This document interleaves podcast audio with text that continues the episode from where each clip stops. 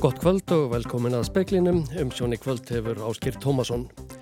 Lögreglan á höfuborgarsfæðinu hefur til skoðunar ásakanir á hendur yfir lögreglu þjóni hjá ennbættinu um kynferðislega áreitni. Mikið tjón var þegar eldur kom upp síðdegis í nýbyggingu fjölbílishús í ásvakverfi í Garðabæ. Forstjóri Landsnets telur að um 5 miljardar króna hafi tapast í þjóðhagslegu samhengi eftir skerðingu að raforku síðasta vetur vegna takmarkana á byggðalínu. Lóreglan á höfuborgarsvæðinu hefur til skoðunar ásakanir á hendur yfir lögreglu þjóni hjá ennbættinu um kynferðislega áreitni.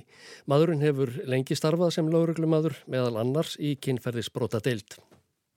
Littlar upplýsingar fengust um málið hjá laurugluna og höfuborgarsvæðinu en heimildir fréttastofu hermað hvartanir hafi borist eftir viðbjörð hjá starfsfólki lauruglunar.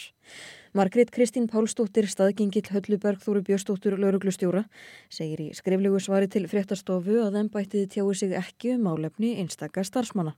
Hins vegar sé málum af þessu tægi alltaf tekið alvarlega. Hún segir í svarinu að þegar kvartanir af þessu tægi komið fram, sem ennbættiði tæki mjög alvarlega, sé ávalt bröðist við í samræmi við verkferðla lauruglu sem og reglu gerða um aðgerðir gegn einelti, kynferðslegri áreitni, kynbundinni áreitni og ofbeldi á vinnustuðum.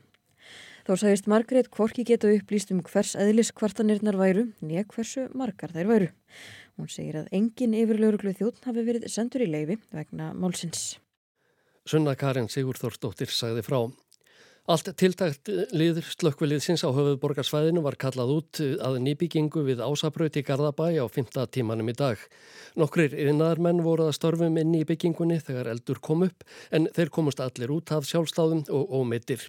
Þykkan svartan reik lagði frá húsinu um tíma og sást vel úr fjarlagð. Gaskútar voru á þæki húsins og vitað er til að að minnstakosti tveir hafi sprungið. Guðmundur Guðjónsson var stjóri hjá slökkviliðinu á höfuðborgarsvæðinu var með fyrstum mönnum á vettvang. Hann segir að mikil hætta hafi verið á ferðum en slökkvistarf er nú á loka metrónum.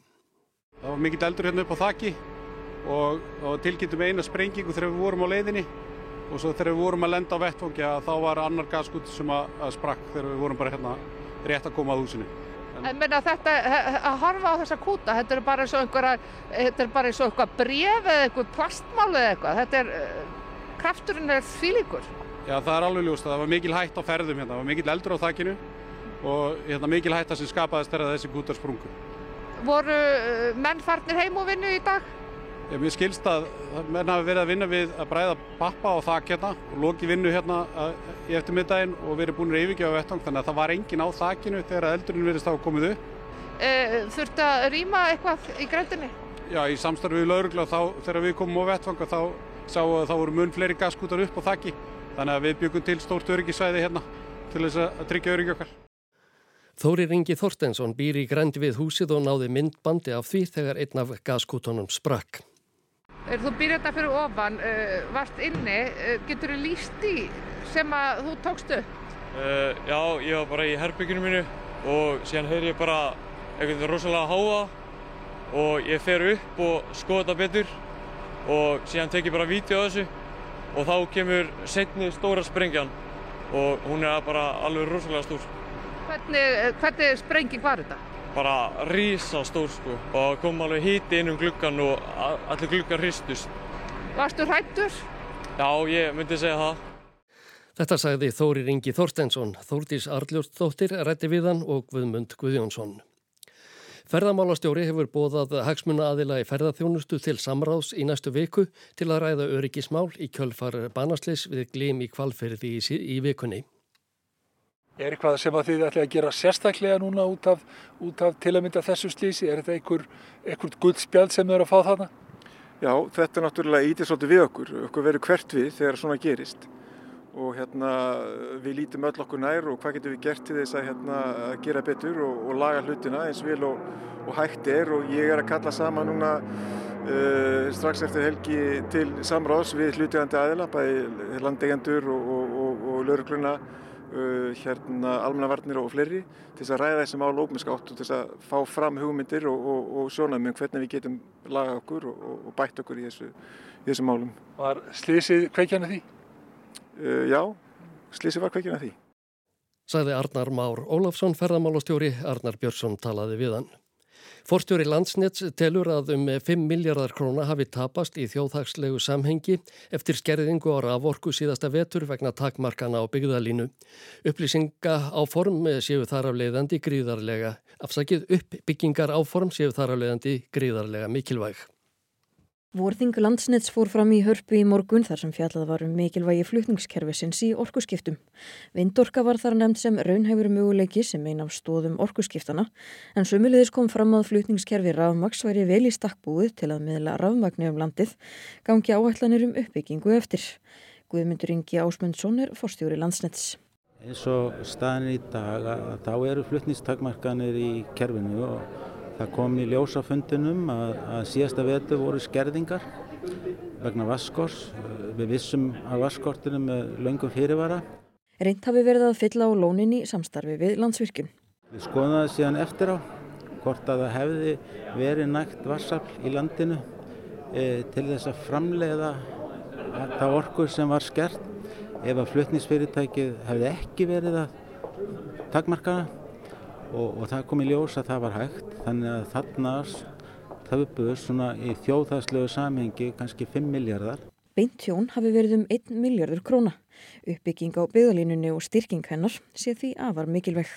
Mun skipta sköpum til þess að opna landið fyrir auknum flutningum á orku vegna orku skiptana. Saði Guðmundur Ingi Ásmundsson, fortjóri landsnets, Sunna Karin Sigurþórsdóttir talaði við hann. Aldrei hafa fleiri bækur orðið fyrir barðinu og rítskoðunar tilburðum í bandaríkjónum. Aðtiklinn beinist engum af barnabókum þar sem vegast átjáningarfrelsi og ásakanir um pólitíska innrætingu. Yfir 2500 bókatillar rötuðu í samantækt bandarísku bókasaps samtakana í fyrra, yfir bækur sem hefur verið reynd að koma úr umferð eða hefta aðgengi að með öðrum hætti. Flestar eiga bækurnar sameigilegt að fjalla um álefni hinsegin eða litaðs fólks að þér segir í tilkynningu frá samtökunum og bróðurparturinn eru barnabækur, 86%. Yfirmaður á skrifstofu vísindafrelsis hjá samtökunum segir að æg meira séum skipulaða reittskoðunar hópa sem herji á bókasöfn með langa kröfulista. Íhaldsmenn í bandaríkjónum hafa margirilagt kappa á að uppræta það sem þeir segja frjálslinda innrætingu í skólum landsins en að samaskapi hafa höfundar og útgefundur sumra bóka tekið upp á því að breyta ásælum verkum í því skynið að fjarlæga móðgandi orðalag og gera sögurnar aðgengilegri nútíma lesendum eins og það er orðað. Þannig allir þá nokkru fjadrafóki í síðasta mánuði þegar bækur breska rittöfundarins Roald Stahls komu út í nýri útgafu en þar hafði ímsum personalýsingum verið breytt til þess að forðast að móðga eða særa tiltekna þjóðfélagshópa. Alexander Kristjánsson sagði frám.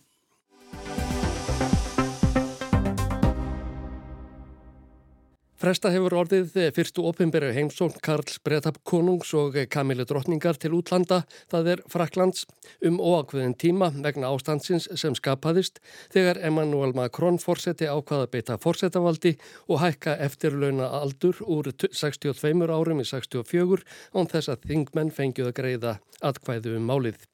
Mótmæli gegn ákvörðuninni hófust reyndar laungu áður en hafa kert um þverbakk síðustu daga. Í gær voru þau hinn fjálmennistu til þessa. Talið er að yfir ein miljón landsmanna hafi tekið þátt í kröfugöngum og fundum við svegarum landið. Manjón Obri, Evrópuþingkona vinstrirflokksins La France í Sommelies, segir að framkoma fórsetans að undanförnu hafi virkað sem ólí á eld. Mais la réalité, c'est que en ignorant, en méprisant, en insultant euh, les Français... Eh bien... Sannleikurinn er sá að fórsetin hefur með því að hundsa þjóðarvilja, móðga þjóðina og sínanni fyrirlitningu, hlifti það svo illu blóði að sífælt fjölgar í hópi þeirra sem sapnast saman á götum úti og mótmæla, saði Manjón og Brí og hjælt áfram. Ég get nefnt dæmi. Í Toulon, meðalstóri borgi Fraklandi, tók mesti fjöldi sem sérst hefur þátt í aðgerðunum. Venjulega hafa um 10.000 borgarbúar mótmælt ákvörðun fórsetans, í dag voru þeir 12.000. Þannig að ef fórsetin hefur haldið að aðgerðirnar gegn honum værið að fjara út, misreiknaðan sig alvarlega. Andofið gegn fyrirætlun Makrons fórsetta og stjórnarans um að hækka eftir launaaldurinn hefur verið friðsamlegt þanga til í gær. Þá letu óverðasekir til sín taka á nokkrum stöðum, þar á meðal í höfuðborginni París og Bordeaux. Þar var kveikt í andir í ráðhúsins en slökkviliði tókst að ráða nýðurlögum eldsins áður en húsið varð al elda. Í París kvektu stjórnleysingjar elda á yfir 900 stöðum í gerkvöld. Þar er nægur eldsmatur. Ruslahaugar hafa sapnast saman á göttum og gangstéttum að undanförnu vegna skæruverkfalls sorp hreinsunar manna. Óerðasegjirnir brutu einni rúður í verslunum og ollu fleiri skemdum og börðust við óerðalaugruglumenn fram á nótt. Yfir 450 voru handteknir og 441 lauruglumadur slasaðist í átökunum. Macron fórseti sagði í sjónvarpsviðtali fyrir vikunni að það væri efnahagsleg nöðsin að eh, breytingar á eftirlunnaaldrinum yrðu að ná fram að ganga. Hann hvaðst eh, reyðubúin að setja sig við óvinnseldirnar sem af því hlitust. En hvers vegna er fórsetanum svona mikið í mun að koma málinu í gegn? Þetta er svolítið ráðgáta. Af hverju verður þetta stóru máli hjá honum? Saði Torfi Túliníus profesor þegar hann rætti máluða á morgunvaktar ásar eitt á dögunum. Að hans vögnu setti Macron breytingu af eftirlauna aldrinum á öttin í kostningabaráttin í fyrra.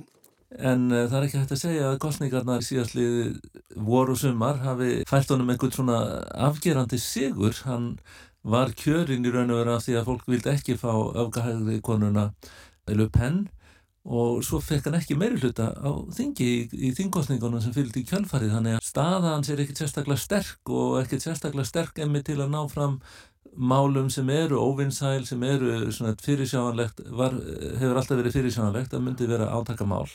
Torfi segir að breyting á eftirlauna aldri sé meðal annars til komin vegna þess að Makrón fórseti vilji gera Frakland samkeppnishævar á efnahagsviðinu en verið hefur um langt skeið. Efnahagskerfi landsins sé töluvert slegað af öflugu velferðarkerfi meðal annars vegna þess að fólk getur farið á eftirlaun miklu fyrr en í öðrum löndum. Vinnuvikan er stittri víða en annar staðar. Og uh, allt þetta hefur áhrif, segir Macron og hans fólk á samkjæfnisæfi Fraklands.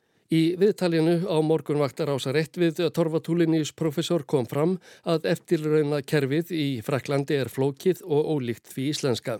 Þetta er svona gegnumstreymiskerfi, þetta er ekki eins og hjá okkur þar sem að verkalýsfélagin með tilstyrk og í samvinni við atvinnur eignundur búa til þessa sjóði, þessa lífeyrissjóði sem við við höfum. Þetta er gegnumstreymiskerfi, þeir kalla þetta, þetta sé að þarna séu kynnslóðirnar að sína samstöðu sína í verki. Það er að segja að það sem að fólk borgar og að bæða atvinnur eignundur og fólk borgar inn í sjóðina fer beint í að borga eftirlaunin. Þannig að það er ekki samnað í sjóði og þess vegna er þetta svona svolítil allt öðruvísi álag á ríkissjóð og ofnbjörn útgjöld heldur en í löndum eins og okkar. Mótmælum gegn hækkun eftir launaaldurins er hverginar í lokið í Fraklandi. Þau næstu hafa verið bóðuð á þriðju dag þegar fyrirhugað var að Karl Bretta konungur og Kamila Drottning kemur til Bordeaux. Þar ætluðu þau að kynna sér framleiðslu lífrætna vína. Hinn ofinbæra heimsókn átti að hefjast í París á sunnudag. Réttast þótti að fresta enni að sinni vegna ástandsins. Þau fara hins vegar í ofinbæra heimsókn til Þískalands á miðvíkudag eins og ráð var fyrir gert.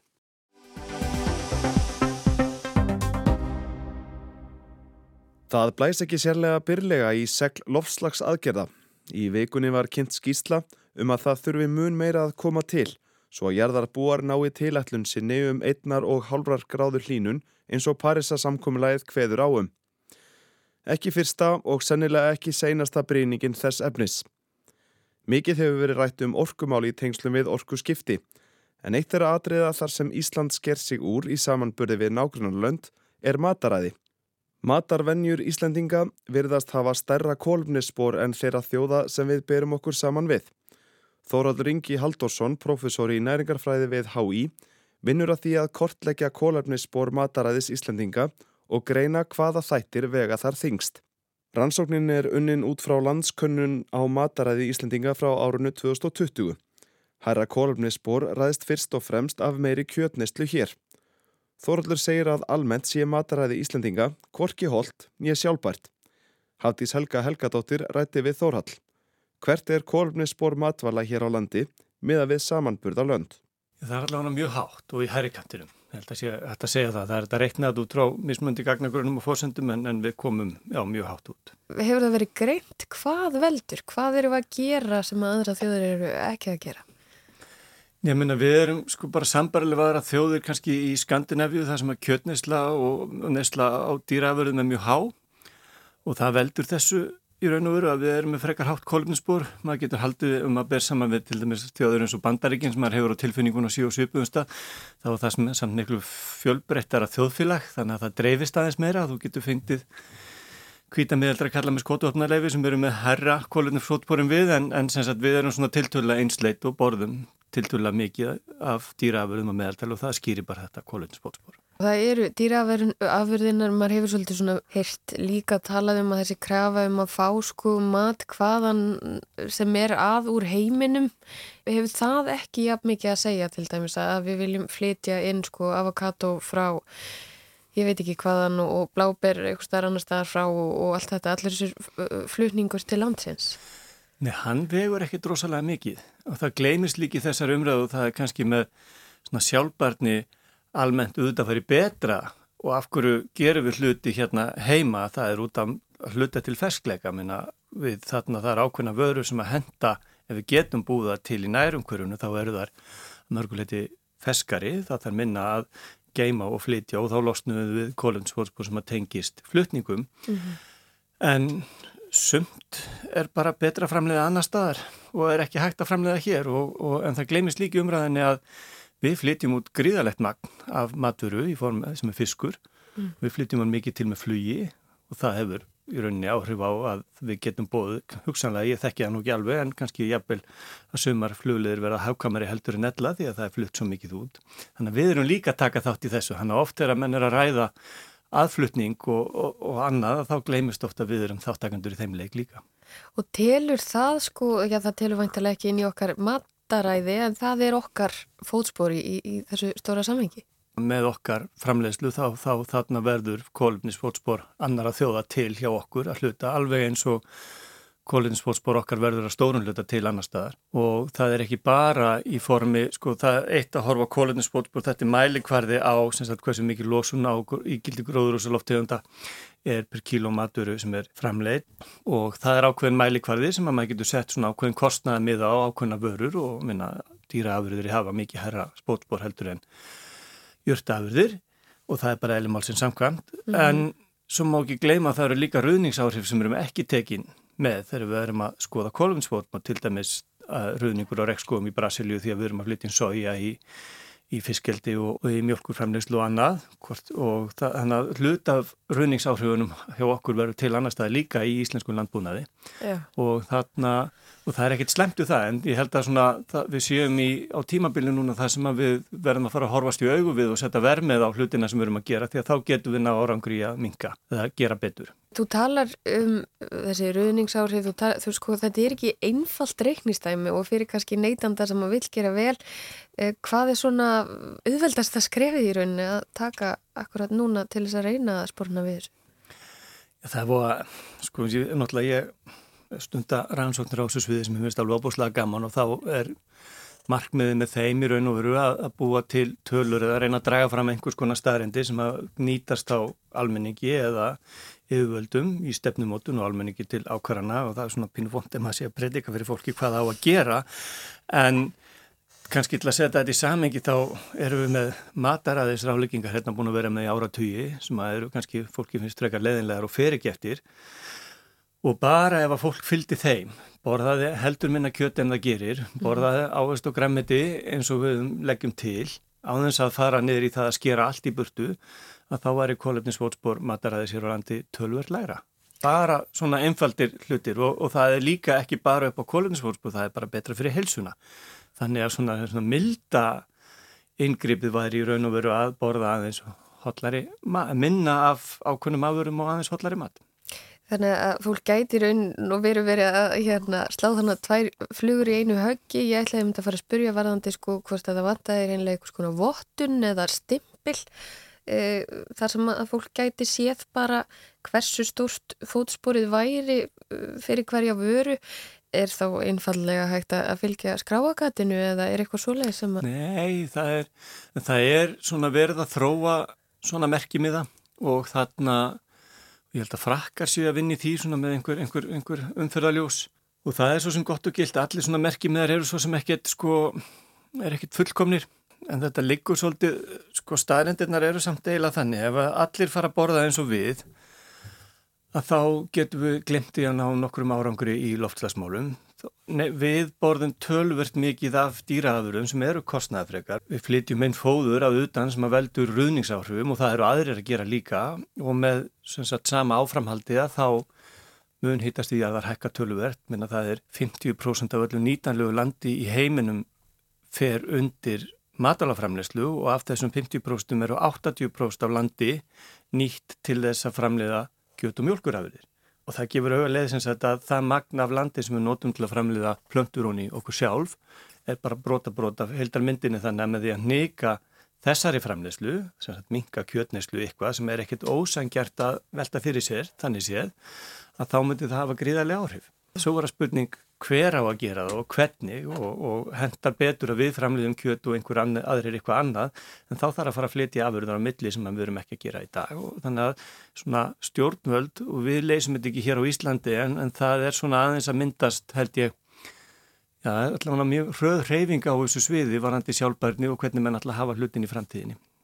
Þetta er búið að viðkvæm umræða, verist vera, að landbúnaðurinn stendur okkur nær og, og, og skiljanlega Við erum ákveðnu svæði sem að bara mataræði fylgir ákveðnum hefðum benna með hver við erum en það er einhvern veginn eins og að megum alltaf tala um það en við megum, sko, við erum að tala um engabílin í mörg ár og einhvern veginn erum við að setja okkur við, jú, hann mengar. Mm -hmm. Við erum búin að ræða flugið og þarna við vitum að það losar, samt losar held ég landbúnaðarinn tölvörd meira en við erum að vinna í því sem sagt að, að með skoðst í ræða það en þessi mál má allar ræða. Þetta er eiginlega svona fyllin í stofunni bara í fjölskyldubóðum annar staðar að ræða þessi mál og ég held að þurfum svolítið að komast yfir þá umröð og setja vermið á hvað við erum að gera og hvernig við erum að hafa okkur og það henda kannski ekki öllum að borða allt öðruvísi en þá geta með skorinn yfir annar staðar og ég held að, að við séum svona erum í tímabili núna það sem við höfum að takast á við, við svona þar upplýsingar að, að jú, hvernig við borðum hefur gríðarlega mikil áhrif á hvernig plánutunum vegnar. Þetta sagði Þórhallur Ingi Haldursson, Hafdís Helga Helgadóttir rætti við hann og Bjarni Rúnarsson tók saman.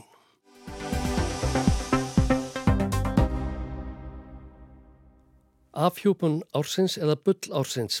Það er ekki víst að, uh, það er víst ekki ámælt að uh, það séu deildarmeiningar um heimildarmynda þættina um Estoníu slísið sem sindir voru fyrir rúmur tveimur árum. Þættirnir voru, sagðir sína, þetta mannskæða sjóslís í alveg nýju ljósi og voru verðlaunadir sem afhjúpun ársins. Fljótlega fór þó að renna á fólk tvær grímur. Farþegaferjan Estonia sökk á leiðsynni frá Tallinn í Íslandi til Stokkólms í Svíþjóð árið 1994. Af þeim 989 sem voru um borð fórust 852.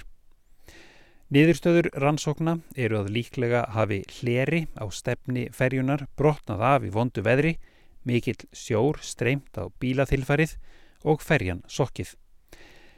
Flag Estóniu kvílir á botni Eistrasalts á um 80 metra dýpi á samt líkum 125 manna.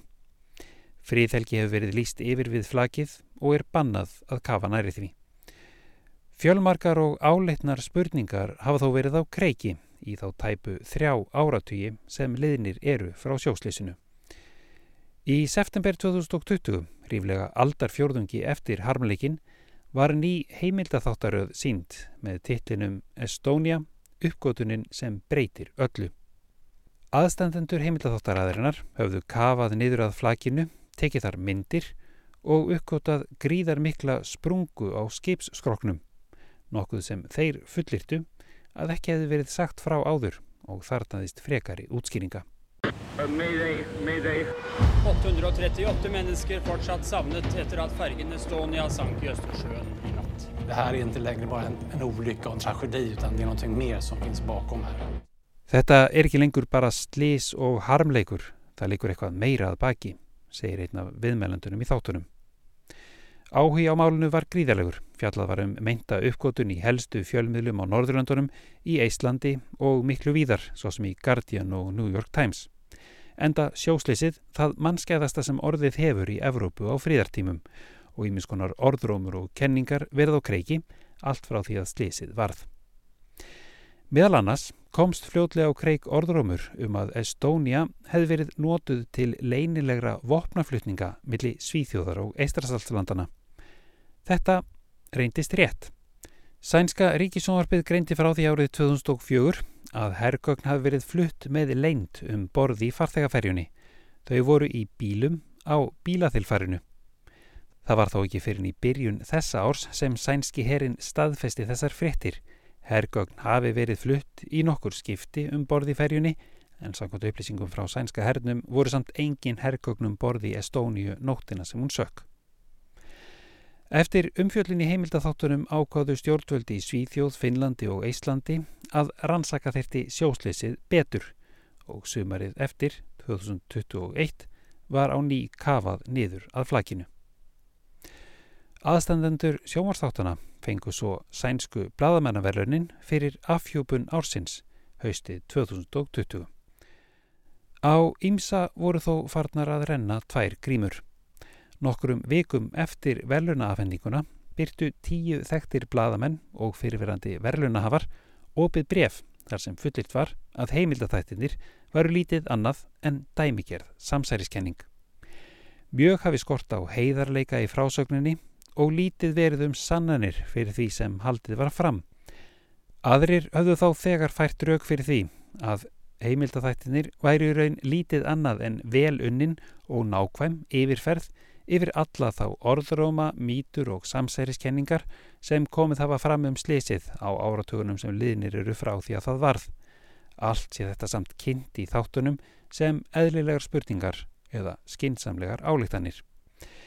Í þáttunum er gefið í skín að gatið sem kvíkmundgerðamennir segjast hafa uppgótað á flagi Estóniu sé líklega eftir tundurskeiti.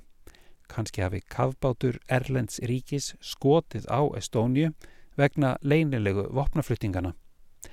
Gravarfriðurinn við flagið, rannsóknir þar sem fullirt var að slísið hefði orðið vegna þess að hleri losnaði, alltaf þetta mögulega verið hluti af gríðarstóru samsæri ríkistjórna, rannsakanda og hersins. Gaggrínendur kvikmyndgerðmanna hafa hins vegar bent á að gatið á skipskroknum gæti átt sér einfaldari skýringu.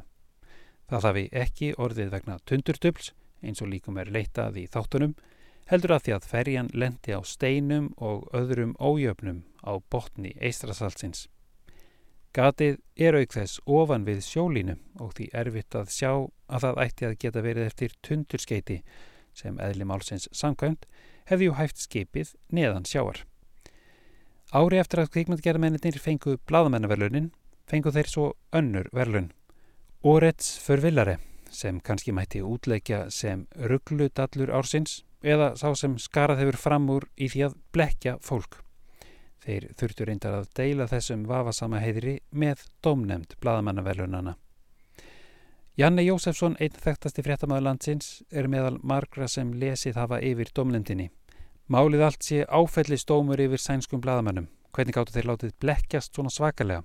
Hvað segir málið um sænska bladamennsku og hvað á að gera til að tryggja að slíkt endurtæki sig ekki?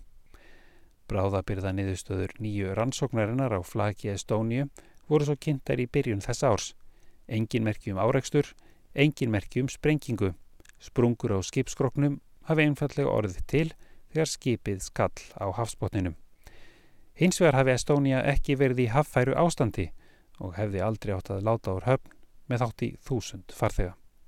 Þetta er Kári Kílvason sem talar frá Gautaborg og loks er það veðurhorfur næsta sólaringin, norðaustan átt viða 8-13 metrar á sekundu. Jél verða norðan og austanlands en yfirlétt létt skíjað um sunnanvert landið.